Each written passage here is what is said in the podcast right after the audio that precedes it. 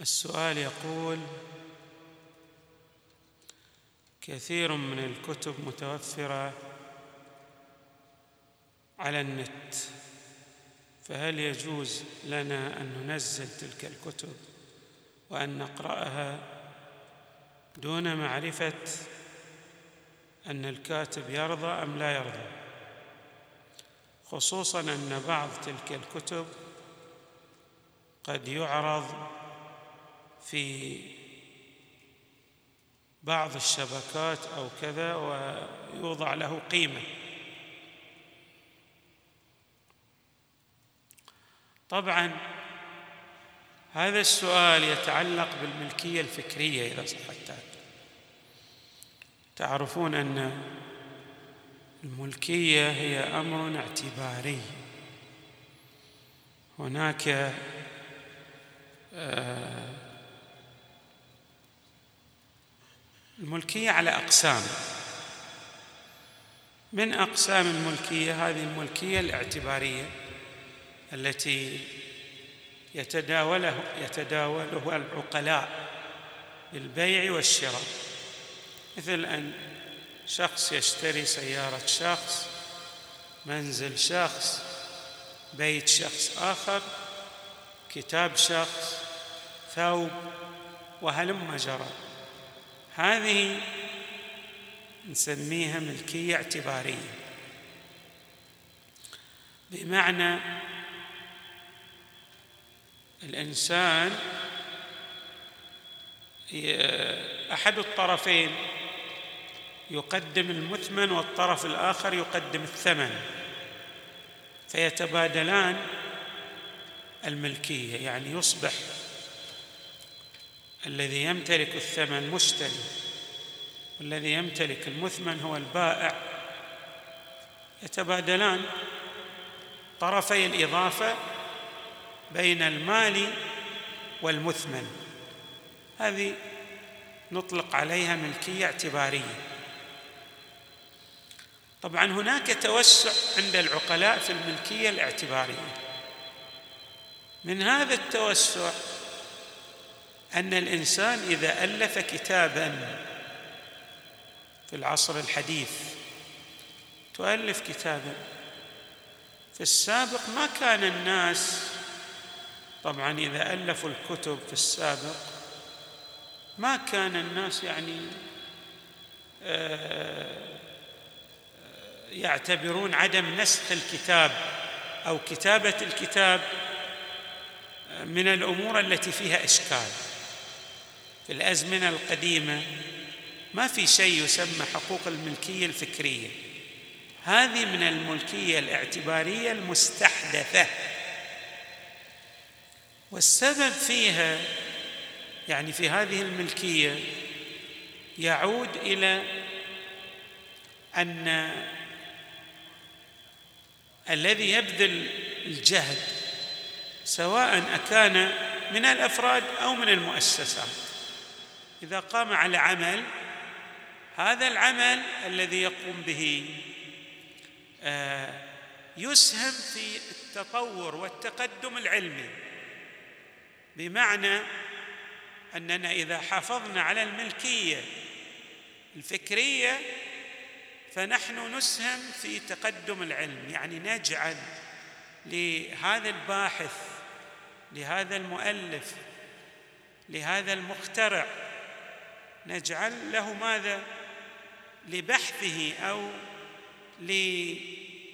لاختراعه قيمة عقلائية.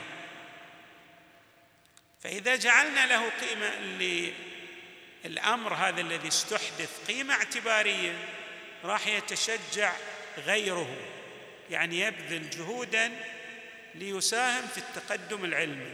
من هنا آه توافر عندنا ما نطلق عليه بالملكيه الفكرية. طبعا الدول تختلف. يعني هناك دول فيها ماذا؟ قوانين مشددة تجرم الشخص الذي ينتهك حقوق الملكية الفكرية. وهناك دول لا ما عندها أي مشكلة. في نسخ الكتاب طبع الكتاب نسخ السي دي أخذ أي عمل فكري أو جهد علمي يقوم به فرد أو مؤسسة. يعني بعض الدول تشدد في حقوق الملكية الفكرية وبعض الدول الأخرى تتساهل في ذلك ولا تعطي قيمة للملكية الفكرية. وبالتالي الشخص الذي يعيش في الدول اللي ما تراعي حقوق الملكية الفكرية يعني يجد متسعا. القوانين الدولة التي يعيش فيها لا تراعي تلك الحقوق للملكية الفكرية. وهو يعيش مثلا في دولة هكذا يعني قوانينها. فيسوغ له أن يتعامل على وفق القوانين التي يعيشها في تلك الدولة. لكن إذا افترضنا أنه يعيش في دولة تراعي حقوق الملكية الفكرية هنا العلماء على قسمين عندنا الفقهاء على قسمين. بعض الفقهاء كالسيد السستاني يحفظه الله يقول إذا كانت الدولة التي تعيش فيها يعني تراعي حقوق الملكية الفكرية وتشدد عليها فلا يجوز لأحد أن ينتهك حقوق الملكية الفكرية. سأقرأ مثلا بعض من المسائل التي طرحت على سماحة السيد وأجاب عنها. مثلا هذا سؤال يقول ما هو المقدار الذي أمضاه سماحة السيد السستاني يحفظه الله من حقوق الطبع والنشر جاء الجواب أن السيد لا يسمح بمخالفة القوانين المذكورة المتبعة في البلاد الإسلامية. يعني إذا كانت الدولة تمضي هذه القوانين وتجعل تلك القوانين لحقوق الملكية الفكرية محترمة فالسيد لا يجيز انتهاك تلك القوانين للدولة.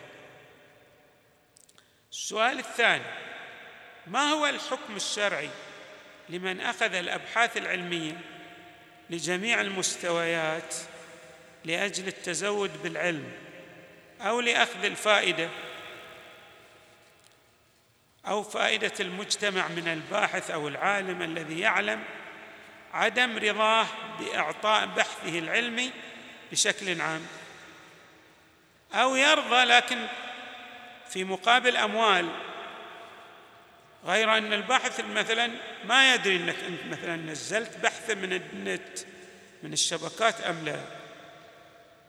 السيد أجاب على هذا التساؤل قال لا يجوز إذا استلزم تصرفا في ممتلكاته.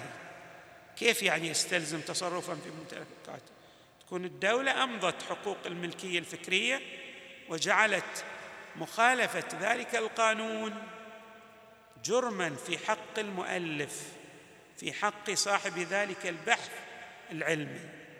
فاذا عرفنا أن السيد السستاني يحفظه الله لا يسوغ لا يجيز انتهاك حقوق الملكية الفكرية في الدولة التي ماذا؟ يعني ترى أن لهذه الملكية اعتبار عقلائي. أصلا الملكية في الحقيقة هي اعتبار من الاعتبارات العقلائية. يعني في الحقيقة إحنا الآن أعطينا مثالا. شخص يعطي ثمن وآخر مثلا يقدم مثمن. الثمن باقي على حاله والمثمن باقي على حاله. يعني ما في الحقيقة إحنا الاعتبار العقلائي جعل الثمن ملك ملكا للبائع والمثمن ملكا للمشتري بالاعتبار العقلائي. يعني أجاز للمشتري أن يتصرف في المثمن وللبائع أن يتصرف في الثمن. هذه نظرة عقلائية. إذا السيد السيستاني لا يظلم. بينما السيد الخوئي عنده تفصيل. يعني يقول لا بد أن نسأل المرجع هل أمضى ذلك القانون أو لم يمضه؟ يعني لا بد أن نسأل لو كان السيد حيا مثلا نسأله هل أمضيت حقوق الملكية الفكرية؟ في البلد الفلاني متى يمضي ومتى لا يمضيه مثلا؟ إذا رأى أن مثلا هناك مصلحة في إمضاء هذه القانون وتترتب أو يترتب على عدم إمضائه لهذا القانون مفاسد. يعني هو بحد ذاته السيد ما يرى شيء اسمه ملكية فكرية. لكن بالعنوان الثانوي إذا ترتبت مفسدة وأمضى ذلك القانون فلا يجوز للمكلف أن ينتهك ذلك القانون الذي أمضاه مرجع التقليد. يعني في الأصل الاولي عند السيد خوي ما في شيء اسمه ملكية فكرية الأصل الاولي لكن قد يمضي ما يسميه بالملكية الفكرية بالعنوان الثانوي. فإذا أمضى فلا يجوز لمن يرجع إلى السيد الخوي. الآن السيد رحمه الله مات. يعني لو فرضنا إن هذه المسألة كانت في زمانه. الآن هناك من يرجع إلى السيد الخوئي مثلا وهم ليسوا يعني بالقليل من الناس. اللي أعمارهم كبيرة وقلدوا السيد الخوئي وبقوا على تقليده. يعني يعرف أنه لو أمضى ذلك القانون في بلد من البلدان فلا يجوز انتهاك ذلك القانون. أقرأ السؤال والإجابة. إذا كان البائع يبيع سلعة من السلع لها حقوق ملكية فكرية مثل الكتب أو الأشرطة أو برامج الكمبيوتر وألعاب الفيديو رغم وجود قانون في البلد لحماية حقوق الملكية الفكرية فهل يجوز لنا شراء النسخ في الحالات التالية التالية؟ واحد في حال عدم تطبيق القانون وتعليقه من قبل الدولة. اثنين في حال تطبيق القانون من قبل الدولة. ثلاثة في حال عدم وجود نسخ أصلية في البلد واكتفاء الباعة ببيع السلع التقليد يعني المنسوخة. أربعة في حال الغلاء الفاحش للنسخ الأصلية ورخص النسخ غير الأصلية المقلدة. السيد أجاب يجوز الشراء في كل الحالات المذكورة. كل هالحالات ذي يجوز الشراء فيها. اللهم استثنى. قال وإن كان أصل الاستنساخ غير جائز إذا منعه القانون لتلك الدولة وأمضى ذلك القانون المرجع. قال أنا أمضيت هذا القانون. متى يمضي؟ قلنا. يعني إذا رأى الحاكم في إمضائه لذاك القانون مصلحة. ورأى أن عدم إمضاء ذلك القانون يترتب عليه مفسدة. فحينئذ مع الإمضاء من لدن الحاكم الشرعي يصبح تجاوز قانون الملكية الفكرية محظور. لا يجوز على رأي المرجع. فإذا عندنا رأي يقول يجوز يعني يجوز نسخ الكتاب أخذ أي برنامج علمي حتى وإن لم يرضى صاحبه لأنه لا يملك عمله.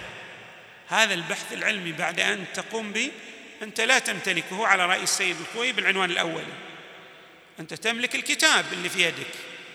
بس المعلومات اللي يستفيد منها الناس هذه ما لها ملكية على رأي السيد الخوئي بس عند السيد السستاني يعني السيد السستاني يقول إذا يعني أمضيت عقلائيا في بلد ما تصبح لها ملكية. نعم.